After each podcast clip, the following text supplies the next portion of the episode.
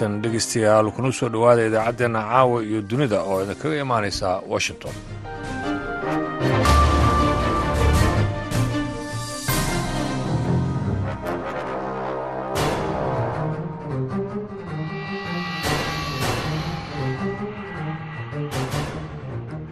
Dhegeystayaal waa habeen sabtiga bisha februari ee sanadka labada kun afar iyo labaatankana waa afar iyo labaatan. Waxaadna naga dhegeysanaysaan haatan mawjadaha gaagaaban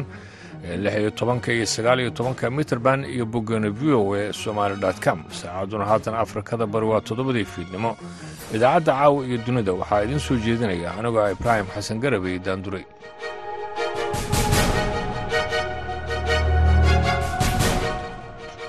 Qodobada aad ku dhegaysan doontaan idaacadda caawa iyo dunida waxaa ka mid a madaxweynaha jubbaland axmed madoobe oo magaalada kismaayo ku daahfuray kulan ku saabsanaa cadaaladda iyo garsoorka waxaa farxad marka maanta ah oo wanaag ah inaannu soomaaliya o dhan isaga nimaadno oo hal magaalo isugu nimaadno jubbaland isugu nimaadno oo aynu mataqaanaa tusinno ummadda soomaaliyeed in garsoorkii dhisan yahay uu shaqahayo martida mikrofoonka iyo caweyska washington iyo qodobo kalena waaad maqli doontaan marka hores ku soo dhowaada warkii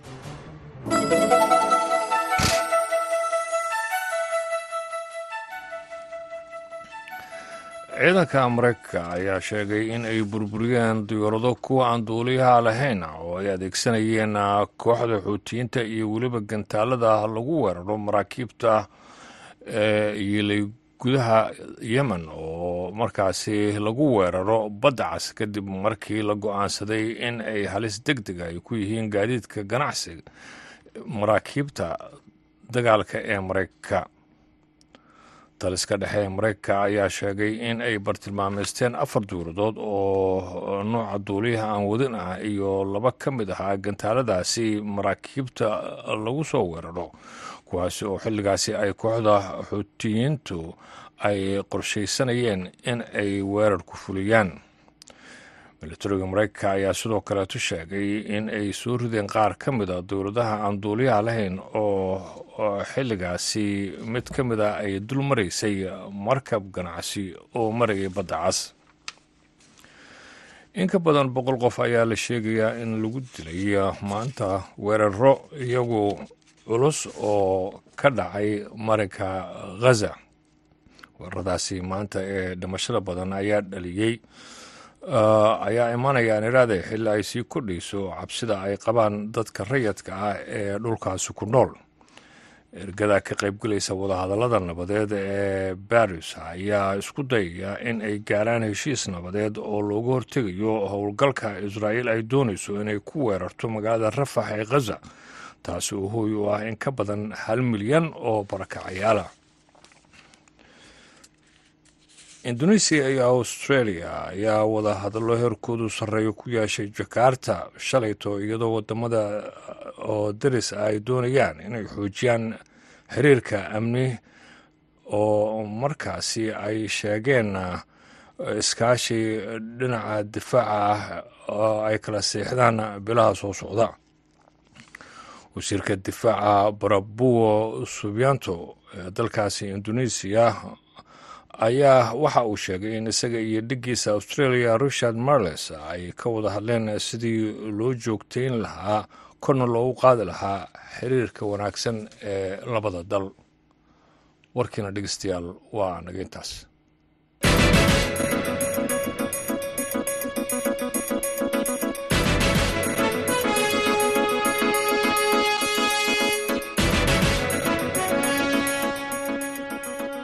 mas'uuliyiin ka socday bahda cadaaladda iyo garsoorka ee heer federaal iyo heer dowlad goboleed ah ayuu kulan uga furmay magaalada kismaayo waxaana ka qayb gelaya guddoomiyaha maxkamadda sare ee soomaaliya waxaana dah furay kulankaasi madaxweynaha jubbaland axmed madoobe. Faahfaahinta warkaasi waxaa kismaayo ka soo diray waryaheena v o e aadan maxamed salaad. Shirkan sanadlaha ahi ee guddiga sare ee macadka tababarka garsoorka soomaaliya ayaa maantay waxaa si rasmiga u dahfuray madaxweynaha jubbaland axmed maxamed islaam iyadoona shirka ay ka qaybgalayaan xeerlaalayaasha guud ee soomaaliya iyo sidoo kale bahda cadaaladda shirka sidoo kale waxaa ka qaybgalaya hay'adaha garsoorka dalka soomaaliya ee heer federaal iyo heer dowlad goboleed iyo xubno ka socday dowladda federaalk ee soomaaliya. Ugu horreyn waxaa shirka hadal kooban ka soo jeediyey wasiirka cadaaladda iyo arrimaha dastuurka ee jubbaland cabdiweli xuseen jaamac. Waxaa farxad marka maanta ah oo wanaag ah inaannu soomaaliya o dhan isaga nimaadno oo hal magaalo isugu nimaadno jubbaland isugu nimaadno oo aynu mataqaanaa tusinno ummadda soomaaliyeed in garsoorkii dhisan yahay uu shaqahayo horumar uu sameeyey taasna waa farxad labaad. Intaan ka warhayo jubbaland garsoorkeeda wuxuu la daala dhacayey waxyaalihii hadda madaxweynuhu sheegayey oo hadda badnaa. Intaana waxay ku shaqaynayeen dadaal iyo nafurnimo waxaan ku talagelaynaa hadda iyo wixii ka dambeeya insha allah haddii lahaydno inaynu hay'adda garsoorka dhisno inaynu tababarada garsoorayaasha aanu mataqaanaa aqoontooda kor u qaadno inaynu maal gashanno dastuurka iyo mataqaanaa garsoorka inaan maal gashanno iyo shuruucda. Haddii dalku uusan lahayn garsoor saxa dowladnimada waxbaa ka dhiman. Marka insha allah haddii lahaydno waxaynu ku dadaalaynaa sidii aynu garsoorkeenna u hagaajin lahayn. Gudoomiyaha maxkamadda sare ee soomaaliya baashi yuusuf axmed ayaa dhankiisa ku dheeraaday heerka uu gaarsiisan yahay cadaaladda soomaaliya islamar ahaantana loo baahan yahay in isbeddel ballaaran lagu sameeyo adeegyada garsoorka ee soomaaliya si cadaalad iyo hufnaan ay u helaan dadka soomaaliyeed. Waxay naga qaldan waxa kow ka ah inaynu hagrannay garsoorka. Inay intaas laysla qiro waxay la tahay arrin weyn weeye madaxweynuhuna waa inoo bilaabay. Waxaan rajaynayaa isagoo ballan qaaday inuu golaha wadatashiga qaranka insha allahu tacaala iyadana uu geyn doono. Innaguna kaalinteena inaan ka geysanaa waxa weeye waa waa muhiim sidii uu maaragtay madaxweynuhu uu ku taliyey. Taas waxa weeye dalkao dhan bay dan u tahay runtii. Ummadda soomaaliyeed oo dhan bay dan u tahay. Dhammaanteen bay runtii dan dan inoo tahay inuu garsoorku noqdo. Meel haybad leh oo la ixtiraamo oo imkaaniyaad ku shaqayn lahaa hela oo qawaaniinta si fiican u hirgeliya oo xukunada ka soo baxayana la ixtiraamo oo la fuliyo oo la hirgeliyo. Dowladnimada soomaaliyeed ee la higsanaya quruxda badan aynu raadinaynaa halkaasay ku jirtaa. Insha allahu tacala waxaan rajaynaynaa in dhammaanteen golayaasha dhammaantood saddexda golaba in fahamkaa la wada qaato lagana wada shaqeeyo horumarinta garsoorka iyo hagaajintiisa iyo dhismihiisa iyo tayeyntiisa madaxweynaha jubbaland axmed maxamed islaam oo gebagabadii goobta ka hadlay ayaa ku dhaliilay bahda cadaaladda sida ay markaasi dadka soomaaliyeed aanay ugu qanacsaneen waxaana uu tilmaamay in loo baahan yahay in la helo adeeg garsoor iyo mid cadaaladeed oo ay helaan dadka soomaaliyeed sida uu sheegay. Waxaan ku talin lahaa shacabka dhegaysanaya iyo xukuumadda soomaaliya labadeeda heer baan odhan lahaa garsoorku sida uu maanta yahay ha laga daayo. oo garsoorka intaan awood u yeelno markaasaa waxaan helaynaa dadku markay ogaadaan cadaaladda inay helayaan. Yaa waxay helayaan markaa inay gaadhaan waxa ay doonayaan inay gaadhi karaan. Waxa ugu badan ee garsoor maanta soomaaliya oo ka shaqeeya waa dhul. Garsoorka maanta ugu badan soomaaliya dhul la ysku haysto ka shaqeeya. Anu ma aqaano daxamar waxa ka bedelan iyo isteedyada kale. Laakiin markaan jubbaland ka hadlayo kiisaska ugu badan ee hor yaalla dhul baa ka mida dacwadaha kale qaarkoodna matalan dee waxaa iman qisaas baa imanaysa oo hadda xilliga aan ku jiro dilku weliba hadda maalmahan de waad ogtihiin oo falal aada u inkaaran baa ka dhaca soomaaliya. Gaar ahaan hadda muqdisho bishii u dambeysay islaantiisuu gubay carruur carruurtiisuu laayey kanuu waxaan ku sameeyey walaalkiibuu dilay hebel baa la gowracay waxyaalo aada u dhib badan waxay u baahan tahay markaa soomaaliya inta garsoorkeedu gacan bidixaynta uu ku jiro ee indhaha laga qarsanayo ee qabiilka la isu daynayo ee qofka mas'uulkii uu ka cararayo xukunka isaga la jira inuu fuliyo wax badan oo dhibaato ah bay soomaaliya ku sii jiraysa shirkan oo ah kiisii ugu horreeyey ee lagu qabtay magaalada kismaayo ayaa lagu wadaa in maalinta beriya lagu soo gebagabeeyo magaalada kismaayo iyadoona laga soo saarayo go'aano muhiim u ahi sidii loo horumarin lahaa adeega garsoorka iyo cadaaladda soomaaliya. Aadan maxamed salaad v o a magaalada kismaayo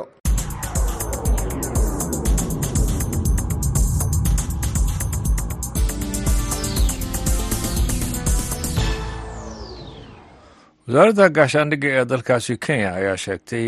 in wada shaqayn shacabka ay la yeelatay ay horseeday hoos u dhaca weerarada kooxda al-shabaab ee gobolka waqooyi bari xilli dad badan loo xirxiray wada shaqaynta ay la lahaayeen al-shabaab.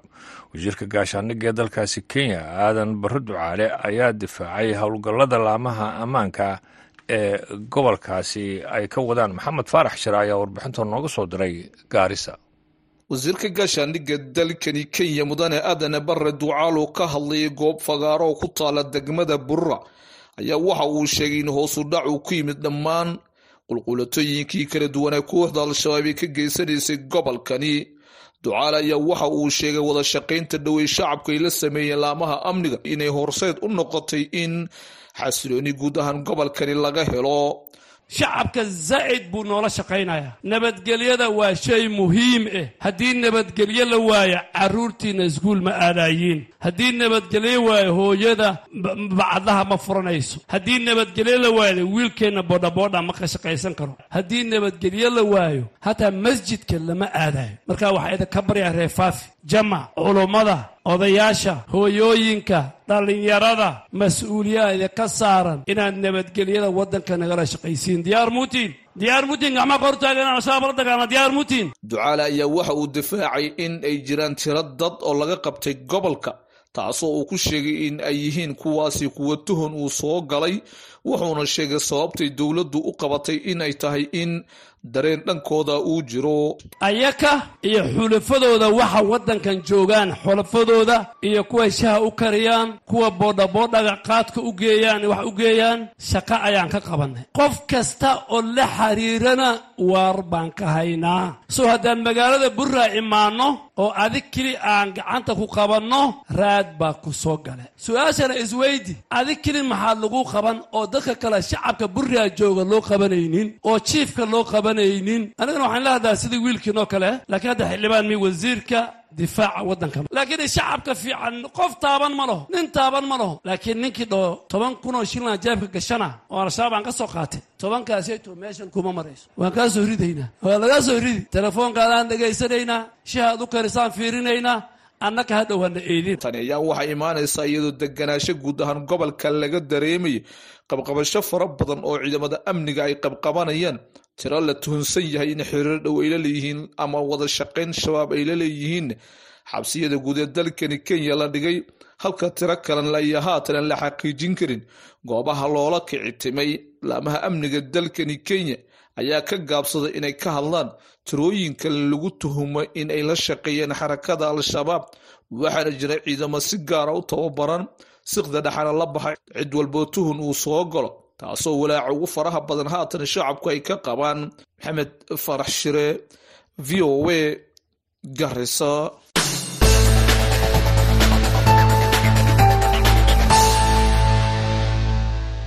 banaanbax lagu taageerayay heshiiskii dhex maraya turkiga iyo soomaaliya ayaa ka dhacay garoonka kubadda cagta ee injineer yariisow ee magaalada muqdisho. Banaanbaxaasi oo uu soo abaabulay gobolka banaadir ayaa ahaa mid lagu taageerayay heshiiska difaaca badda ee soomaaliya ay la gashay dalkaasi turkiga. Cabdiqaadir maxamed cabdulle ayaa warbixinta nooga soo diray muqdisho. Boqolaal dadweyne ah oo taageersan heshiiskii dhowaan dhex maray dowladaha turkiga ee soomaaliya la xiriira difaaca badda ayaa maanta iskugu soo baxay garoonka kubadda cagta injineer yarisow ee degmada cabdicasiis ee gobolka banaadir banaanbaxan uu soo abaabulay maamulka gobolka banaadir ayaa ahaa mid lagu garab istaagayey heshiiskii dhowaan dhex maray dowladaha turkiga soomaaliya qalinkan uu ku duugay madaxweyne xasan sheekh maxamuud kadib markuu soo maray labada aqal ee baarlamaanka iyo golaha wasiirada banaanbaxayaashoo ka kala yimid guud ahaan degmooyinka gobolka banaadir iyo deegaanada khamar ayaa iskugu soo baxay garoonka kubadda cagta injineer yarisow waxaana ku dhawaaqayeen siday u taageersan yihiin heshiiska dhex maray dowladaha turkiga soomaaliya la xiriira difaaca badda soomaaliya. Xasan sheekh maxamuud ayaa saxay heshiiskan kadib markuu soo maray labada aqal ee baarlamaanka soomaaliya sidoo kalena uu ka yimid golaha wasiirada markii hore gudoomiyaha gobolka banaadir ahna duqa magaalada muqdisho sheekh yuusuf xuseen jimcaale madaale ayaa sheegay in heshiiska ay wada gaareen labada dowladood uu yahay mid si weyn u difaacaya badda soomaaliya isagoo la hadlaya banaanbaxayaasha taageeridda aan taageerayno go'aankii ka soo baxay aqalka baarlamaanka golaha xukuumadda madaxweynuhuna uu saxiixay heshiiskii labada dhinac ee walaalahayna turkiga iyo dowladda soomaaliya dhex maray ayuu shacabka maanta magaalada muqdisho taageerayaa. Shacabka magaalada muqdisho waa shacab u soo taagan mar kastaba inay wixii xunna ay ka hor yimaadaan wixii wanaagsanna ay taageeraan. Taasna waan uga mahad celinayaa inay qorraxdaani saaka ay soo fadhiisteen ay alasaydii guryahoodii ka soo kal laheen ay halkan isugu yimaadeen ayagoo muujinaya dareenkooda walaaltinimo dareenkooda taageero ay taageerayaan heshiiskaasi dhaxalgalka ah ee difaaca baddayna iyo dhammaan tababarka ciidamadayna iyo garab istaagga walaalahayna turkiga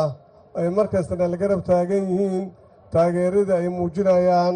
shacabka magaalada muqdisho waa ku mahadsan yihiin. Waxaan leennahay walaalahayna soomaaliyeed meel kasta ay joogaan ha taageeraano go'aannada dowladdooda ama mumatiliintoodii baarlamaan ku matelayay go'aannada ay qaateen inay taageeraan aan rabaa tuulo iyo degmo iyo gobol intii joogtaba in la wada taageeraa la rabaa. Intaas kadib waxaan u sheegaynaa dowladda jaarka aan nahay ee etoobiya intaasoo qarni ayaan dirisnahay kalemana guuri karno waa isku qasbannahay qarnigii kow iyo labaatanaad inaad tidhaahdiin waxaan ku xadgudbaynaa. Taaka ka mid a dhulka soomaaliya ama biyaha soomaaliyaan ku xadgudbaynaa annagoo qaab sharci darraa u soo marayno taas waxaan leennahay laydinkama akhrisan doono dadka soomaaliyeedna ma aqbali doonaan caqliga caafimaadka qabee adduun weynuhuna waa diidiyey marka quruunaad soo nooleedeen idinkoo badla'aan ah. Marka hadda inaad tidhaahdiin lix iyo dhowr iyo toban dowladood oo afrikaan ah ayaa waxay ku nool yihiin badlaan ku nool yihiin wax uga hadlaysanna ma jiraan. Idinkuna intaasoo qarniyaad soo nooleedeen waxaad rabtiinna waa dhoofisiin waxaad rabtiinna waa idin soo degaan. Marka soomaaliya ha ku xadgudbina oo isdhihina waa xilligii laga faa'iidaysan lahaa. Banaanbaxa waxaa ka soo qayb gala xubno ka tirsan labada aqal ee baarlamaanka soomaaliya. Wasiirka beeraha ahna xildhibaan ka tirsan golaha shacabka maxamed cabdi khayr maareeya ayaa sheegay inay muhiimta xilligan in wadahadal lala furo somalilan si looga wada hadlo qadiyadda soomaaliya. Iyo burca way hadleen markii heshiiska la galay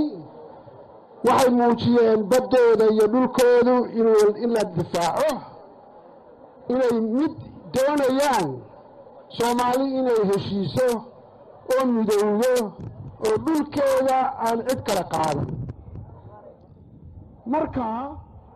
anigoo muddo badan siyaasadda ku soo jiray taariikhiyan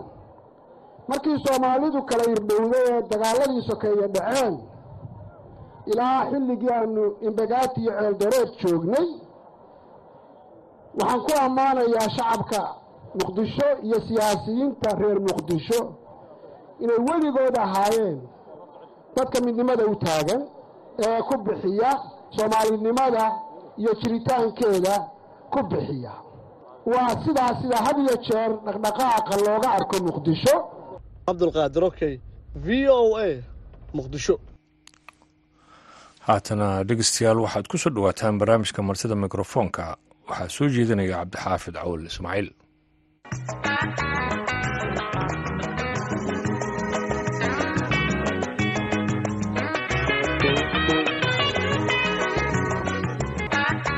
Kulanti wanaagsan idinkiinba akhyaartana dhegaysanaysa. Ay meel kasta oo aad caalamka ku sugan tihiinba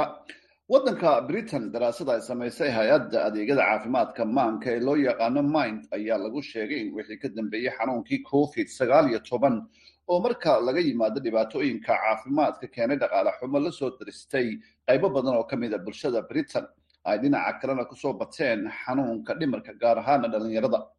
Dhalinta soomaalida ee ku nool britain ayaa sidoo kale ka mid ah jaaliyadaha xanuunkaasi maanka caafimaadka uu saameeyey iyada oo loo aanaynayo waxyaabo kala duwan oo isticmaalka maandooreyaashu ka mid yihiin. Barnaamijkeena martida microfonka toddobaadkan ayaynu arrinkan ku eegeynaa haddii ilaha idmo waxaana inoogu marti ah doctor cabdirashiid takar oo ah dhakhtar soomaaliyeed oo ku takhasusay xanuunada caafimaadka maanka degana magaalada leicester doctor cabdirashiid marka hore ku soo dhawow barnaamijka martida microfonka wari cabdixaafid adiga iyo dhegeystayaalka waan salaamaya waana dhowahay aad baa mahadsantaha waa tahay doctor cabdirashiid daraasad ay samaysay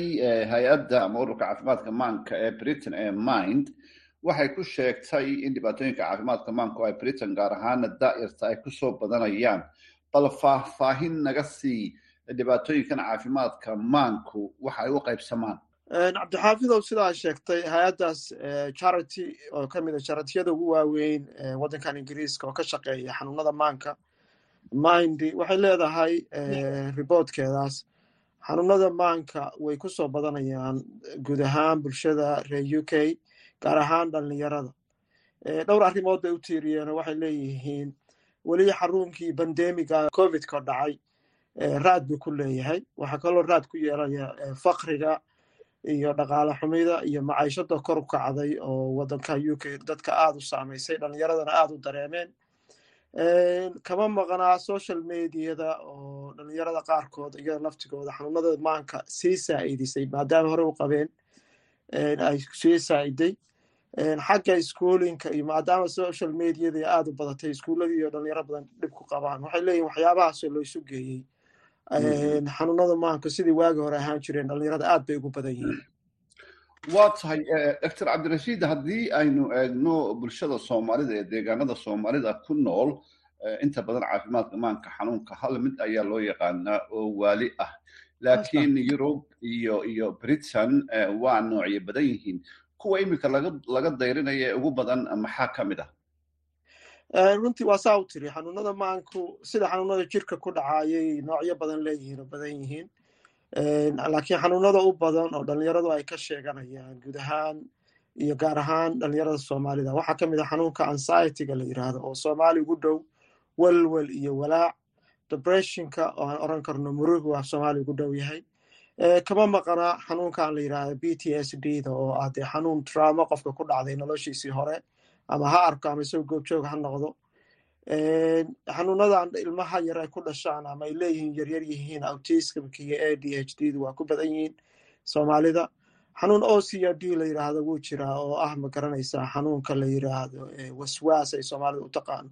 Marka noocyadaasaa ku badan xanuunada kale oo maanka la xiriirana waa nugu dhacaa haddii aynu eegno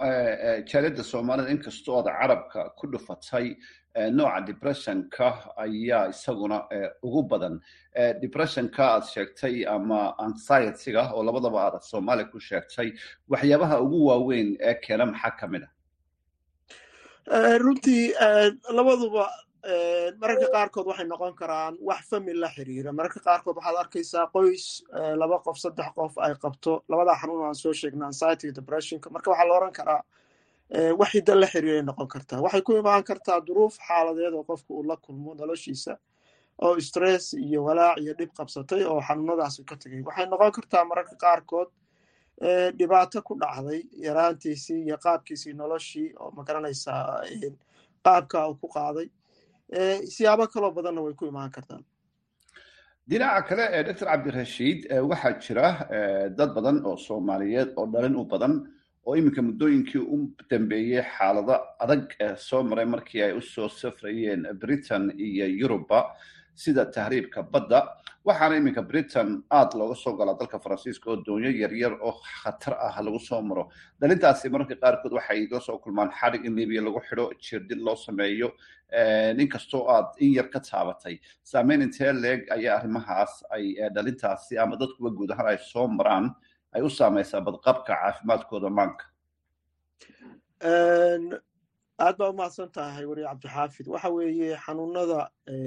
oo dhimirka ama maanka oo la xiriira qofkan duruufta noloshiisa soo martay bulshadeenna yurub joogta iyo guud ahaan waddankan u k aad bay ugu badan tahay waayadii dambena dariiqa keliya oo lagu yimaado yurub wuxuu ahaa in la soo maro dhulkaas dhibta badan saxarahaas. Saa hadda ka dhawaajisay waxa weeye waxaa laga yaabaa qofku inuu dhulkii soomaaliyeed ama afrikadaha kale ka soo baxo afrika kale soo maro libiya iyo bid soo maro dhibaata ku soo dhacdo yurub dhexdeeda xitaa ku socodkeedu inuu ingiriiska qofku soo galo baddaa soo maro waa wax dhib badan. Marka badanaa dhalinyarada noocaasa waxay la kulmaan xanuuno maanka oo ugu badan yahay xanuunka la yidhaahdo b t s d. Af soomaaliya haddaan ku micnayno waxa ugu dhow taraamo ama jug ku dhacday caqliyin qofkan ku dhacday oo saamaysa ayay ugu dhowdahay marka qofkan waa wax noloshiisa laga yaaba inuu la noolaado laakiin dhibaato weyn ee qofka ku hayso. Bulshadeenuna waxay ka hadlaan ama garanayaan ma aha. Marka siyaabo kale sidii kaleo aan ka sheegnay oo dee qofka xanuunada maanka ku qaadi karana wuu ku qaadi karaa ama famil ha noqoto ama dhalinyarada qaarkood oo waxyaabaha mukhaadaraadka ama madooriyaha cunay ha noqoto si gaaraan u sheegi doonaa b t s d iyo calaamadaha ay leedahay laakiin siyaabahaasa ugu badan qofku qofka dhibtaa soo maray inuu xanuunadaas qaado. Qaabka loo daweeye xanuunada caafimaadka maanka britain iyo waddamada galbeedkaba dr cabdirashiid saad ka warhaysa adiguna aad ku takhasustay waa nidaam loo dejiye fikirka iyo dhibaatooyinka yaalla dalalka galbeedka. Muhiimad intee leeg ayay leedahay? Ayaad is leedahay in la helo daaweyn ay qaybi ka tahay dhaqanka iyo diinta bulshooyinka? Kasoo jeeda dadka laga tirada badan yahay ee britain ku nool ee soomaaliduna ay ku jirto. Cabdixaafidow su'aashaas waa su'aal aad iyo aad muhiim u ah. Waddankan u k iyo yurub iyo waddamada westig oo dhan qaabka loo daweeyo xanuunada maanka waxa ugu badan qofka in waxa la yidhaha psychotherapy loo sameeyo hadal oo lala hadlayo in daawo la siiyo in ma garanaysaa sidii bulshada ugu soo dhexgeli lahaa lagu dayo lakiin waxaa meesha ka maqan dadkeenu qolo kasta dhaqan iyo diin bay leedahay. Marka waxaan is leeyahay waddankaana inta badan waa lagu dhiirigeliya hadday communitygu a iyagu qaabka noocaas ay leeyihiin haddii marka qur'aanka iyo qaabka aan bulsho ahaan isugu daweyno iyo layswaafajiyo dawadii caadiga ahayd oo qaabka aan ka soo sheekeeyey waa qaabka ugu fiican. Laakiin bulshadeenna waxaa ka khaldan oo runtii halka kan iyo waddankiiba ka khaldan. Waxa weeye labadaas shay laba shay aan isu imaan karin bay u qabaan. Ama waxay leeyihiin qofka cilaash ha la geeyo oo dee qaab aan waafaqsanayn qaabkii caafimaadka ahayd oo qofkii oo la dhibaateeyo la dilo dawadii laga joojiyo oo qaab noocaasa isticmaala laakiin ase dhakhtar ahaan waxaan u arkaa qaabka ugu fiican inuu yahay. Dawadiina qofku inuu qaato qur'aankiina hab wanaagsan iyo waxa ruqya sharciya la yidhaahdo oo ah haddee adkaar uu nabigeenu maaragtay uu dad ku akrin jiray in lagu akriyo dawadiina uu qaato. Qaabkaas inuu qaabka ugu fiican yahay oo laysu waafajin karo dhaqankeenii iyo sistamka halkan ka jiray ugu dambayntii dr cabdirashiid adiga oo soo koobaya muhiimad intee leeg ayay leedahay in qoysaska soomaaliyeed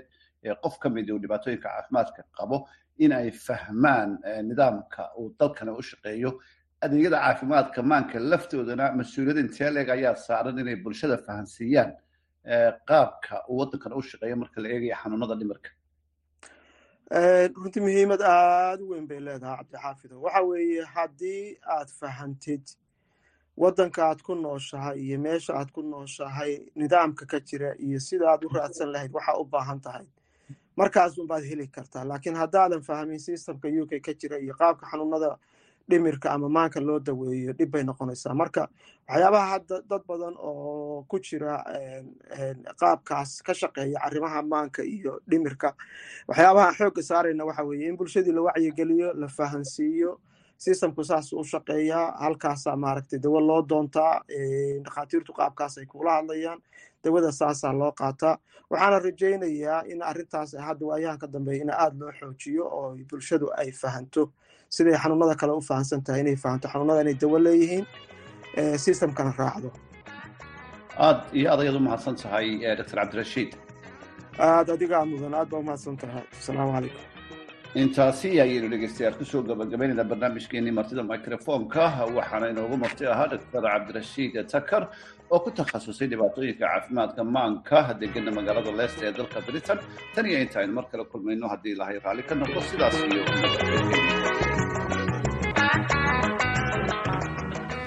cabdixaafid cawl ismaaciil ayaana soo jeedinayay barnaamijka martida mikrofoonka. Halkaad weli nagala socotaan waa laanta af soomaaliga v o e washington.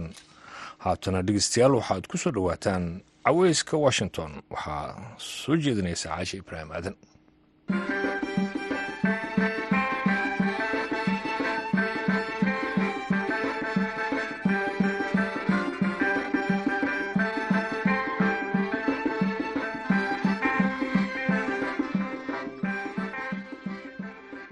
dhegaystayaal mar kale ku soo dhowaada barnaamijka caweyska washington ee caawa oo aan idinku hayo.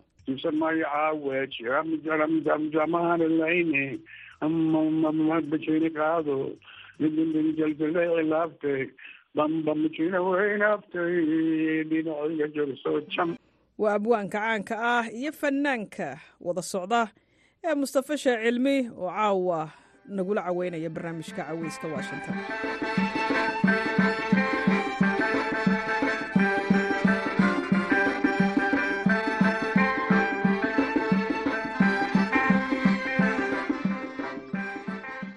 abwaan mustafe oo ku faraxsana marka ugu horeysa in barnaamijkan caweyska washington aada caawa nagala qeybgalaysid ku soo dhowow barnaamijka caweyska washington. Marar badan ayaa laga yaabaa in lagu weydiiyey ama lagu waraystay islamarkaana lagu weydiiyey su'aalo badan oo ku saabsan fankaaga iyo noloshaada. Oo aad mar horeba ka jawaabtay su'aalo laga yaabo in caawa aan ku weydiin lahaa. Hase ahaatee waxaan rabaa inaan toos u abbaaro su'aalo kookooban oo aan caawa rabo inaan ku weydiiyo. Marka ugu horeysa waxaad iigu bilowdaa jacayl iyo waxa aad ka tiri. Heystii jacayl oo dhan u qaadatay anaan sameeyo si kasta haddii la yeelay gabar walba waa midna meeshay ka burxan anaan ka soo qaadan gabar baan dul saaray. Waa jacayl baan matariyay jacayl anigu jacaylada runta ahay waa weyn iguma dhicina waayo naagtaan jeclaadada horaan ka guursan jiray laakiin waxaan heesta ugu baraaya ba ugu mucjiso badan oo hadda raabkaa ku jiro aan ku tarmiya hadda. Waxay ahayd caashiqu sabee ma leh sakatiyo xishood ma leh waan soo socdaa iyo isig iyo dhowr ma leh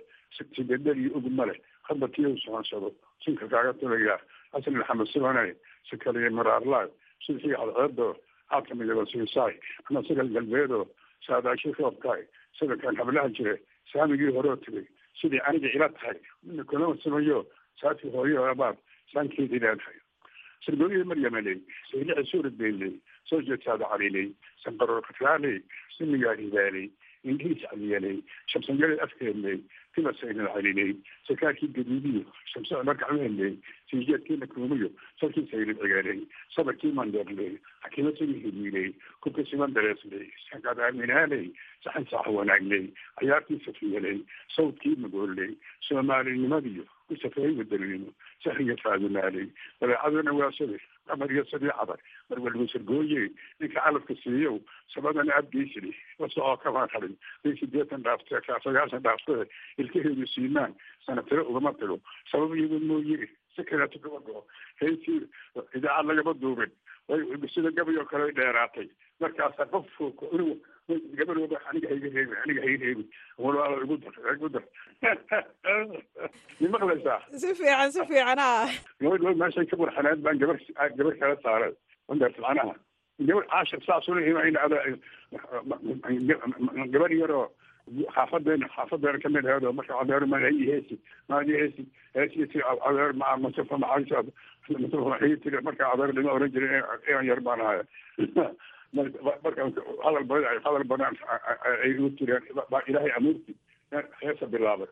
Markaasaa qalab arrintaan igu soo tiri dabadaaba qabtaba. Ama laga yaabay adaa loo codki waa dheer yaa la yidhi ma samayn haddeer waa gabada kale noqotay ay fogaatay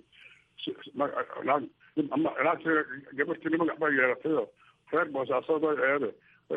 ahaa ii sheegeen. Markii aniga asaagu aan socodkii nabadda yaan ilaa boosaaso tagnay jabuutan ka soo kaceeyey xamaraan keenay kismaayaan tukuuf tagnay aniga mxuu ahay ragga sagaalka waxmaan ahayn oon socodkiinma tuuli walba gabayaan ka telinaynay ilaa markii dambena waan soo noqonay xamaraan marnay ilaa boosaasaan soconay waan soo noqonay waxaa namid maxaa gari waasaano tagnay burcaha adigoo idhi soomaalida xagga xagga lagama ogole halkaasaan naga soo laabanay marka waa soo shaqeynay waa soo shaqeynay waaya waxaad iga warantaa heese jacayla ayaad samaysay oo fanaaniin waaweyn oo waa beri ka tirsanaa allahu yarxam oo qaarkood dhinteen ay qaadeen baad tirisay heesahaasi ma jacaylku soo mar aad ka tirisay mise fanaanaa kuula yimid mise bulshada guud aad cabiraysay maxay ahaayeen bulshada guud jacayl baa dhan ninku haddii jacayl soo maro wixii wax jeclaado o dhan ba sida laaba looshaa dabaylulayaan yalay dhacaasaaqaaladooda riwaayada ku jirtay waxuu ahay mihigaan ku jirto mihigaan. Ma adigaa sameey sida laygu weyyahay lurku igu badanya allahu naxariistay khatara daahir adaa sameey mia mihigaan anaa sameeyey mihigaan anaa sameeyey. Sida laama loosaana anaa sameeyey. Heesa badan. Sida lamalowsha dabayluhu ay lulayaan sida lamalowshan hadaba iluubu ay luulayaan ayalaydacaha shaqa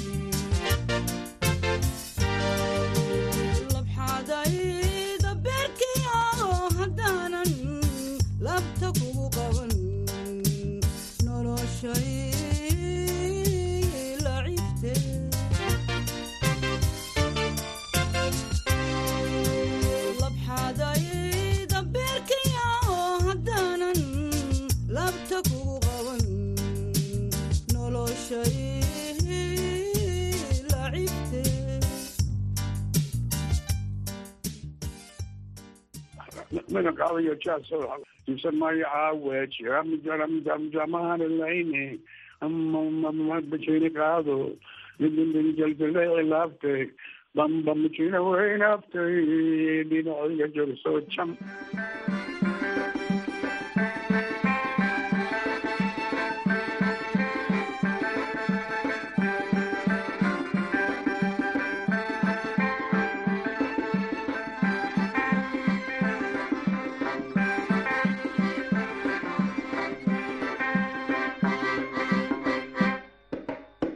mayna caawe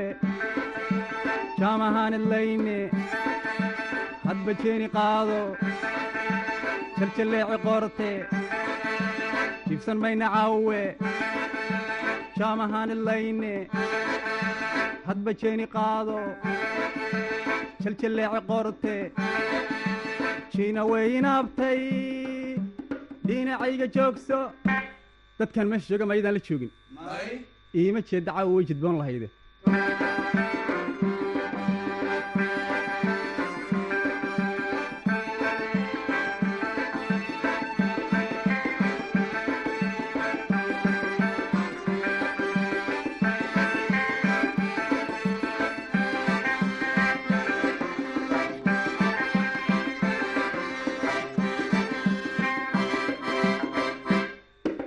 hujanto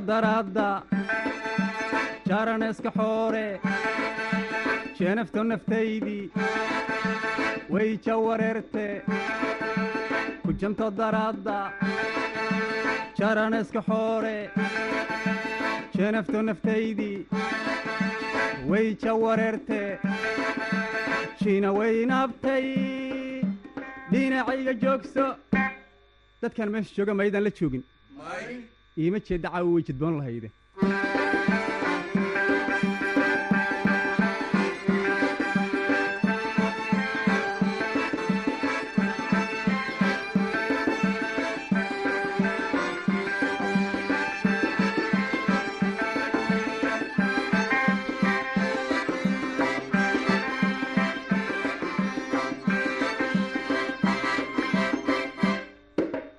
jaalaha la joogo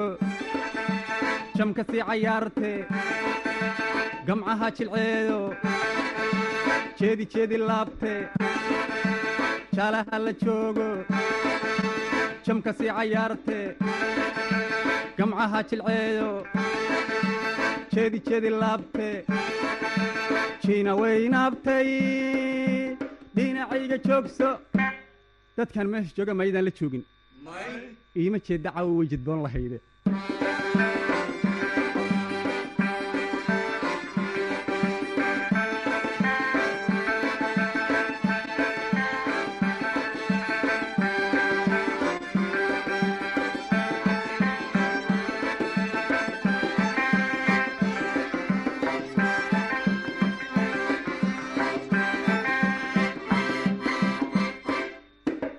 jiirkii dhammaayo lafuniima joogte jacaylaa wadiibaan kaala joogi waaye jiirkii dhammaayo lafuniima joogte jacaylaa wadiibaan kaala joogi waaye jiina halkaan ku baleen halkaan ku jirin maya musra igale kuma jirto maya dacwa joogto way jidboon leeday inta musa bin bam bin bam si waa la rabtay magaalada maa rabtay markaasaa tartankii heesa hirgalo ahaaye waa imaan ku ridnaa la yidhi adiga waxaan soomaaliya aqoon oo jaas ah oo balaayo aad keentay marka wixii lagugu yirin wadaniyad iyo heesa wadaniya iyo gabyar wadaniyadaan kugu naqeeni muxuu ahaa ii sheegeen waxaad la timid waxaan la arag oo la boqoraya nabadgey wax kastaan sameyn ma garata jina waa la yidhaha jina burco anaa sameeyey si burco oo lagu wadaajin burco hees burco la yidhahdo sameeyey naxaas baa sameeyey hees la yidhaahdo waa sameeyey anaana qaadayey gaan kala maqnayn un melfo kala joogno mirtaa dhexaa leylkan hurdada moosinku arkay magaaladii burcood bay hadda megeene joogtay megentada ebow ku ogi malimiya leyle muqdishiyo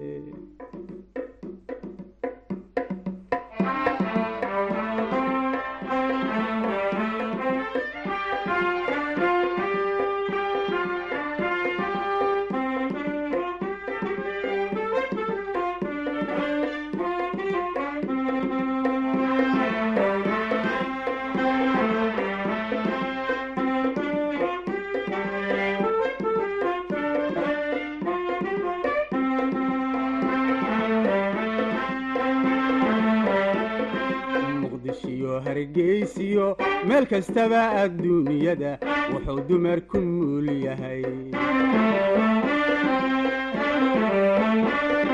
Muqdishiyo hargeysiyo meel kastaba adduunyada wuxuu dumar ku muul yahay. Adigan ka maago lagu muday naftayde adigan ka maago lagu muday naftayde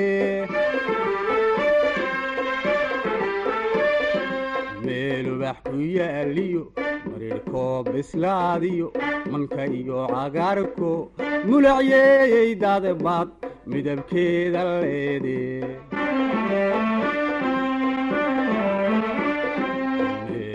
meel ubax ku yaaliyo marirhkoo bislaadiyo manka iyo cagaarko mulacyeeyey daadabaad midabkeeda leede. Markiyaan ku heeganaa muxubbada kalgacalka meel fogiga gaadhe muhatayo naftaydii waa tanu ku magato ka marmi mayse alla magaane adeeguna hamoogaan alla magaane adeeguna hamoogaan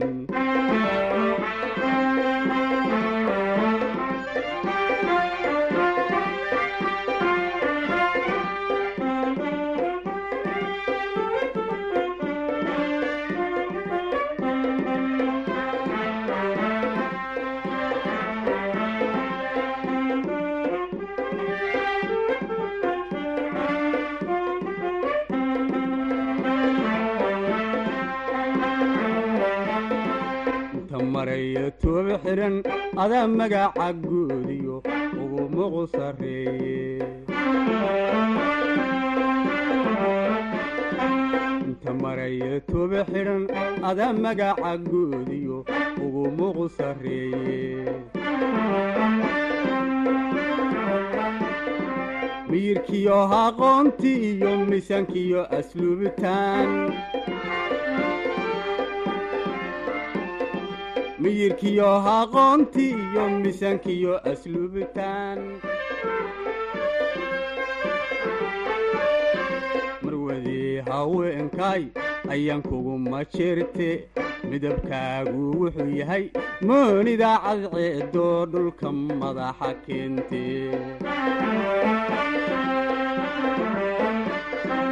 marwadii haweenkay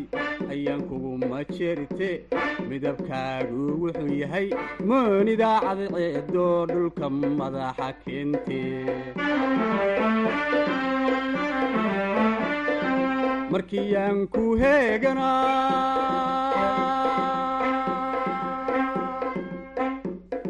muxubbada kalgacalka meel fogiga gaadhe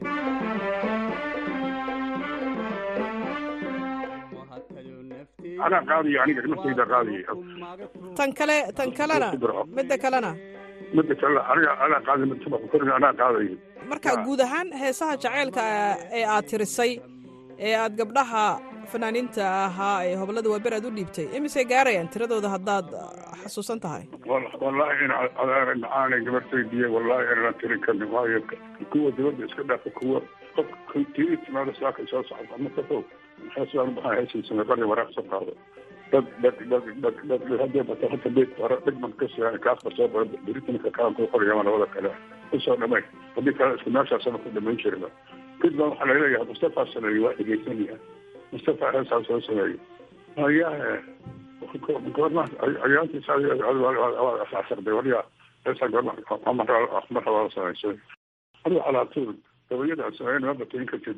waxaan soomaali ku dhexdo dhan soomaaliya soomaali ciyo u dhawaaqay ku-asha wuxuu sheegay dhagaxugu afeeyey aftiya isxanaasi calafkoodu tilmaamay yeeshooday oo iska ooyey haw gabaadha ku keenay. Aciyo ku hagaajay asfahaari ka qaaday. Cabugeyda naftaydu alcoofigaani ka maatay. Jidkii bay cadanyooday basidaa masha allaahe basir wiya ka booday? Ilmahayga calaashay macaasiya ummadan iyaalka man ka rabtaa asharaari ujeedo asimayn kari maayee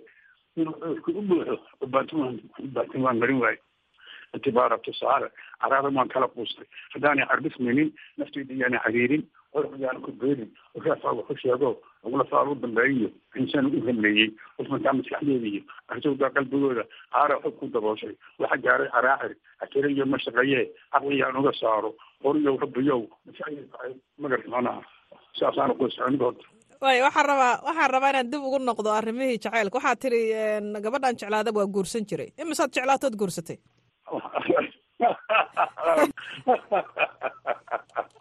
Aad baad u qososhe saddex saddex midna wiil bay ii dhashay midna gabar bay ii dhashay midna afar wiil iyo afar gabdhood ii dhashay. Wiilkii orodkaa waa liga dilay waa liga dilay xamaraa ligu dilay soo iska kasaro dhamashay gabartiina hadda jabuuti la joogtaa gabar jabuuti noqotay adigu farcigii hadda labaat afar iyo labaatan mar aniga farcigii oo oo gabdho u badan. Marka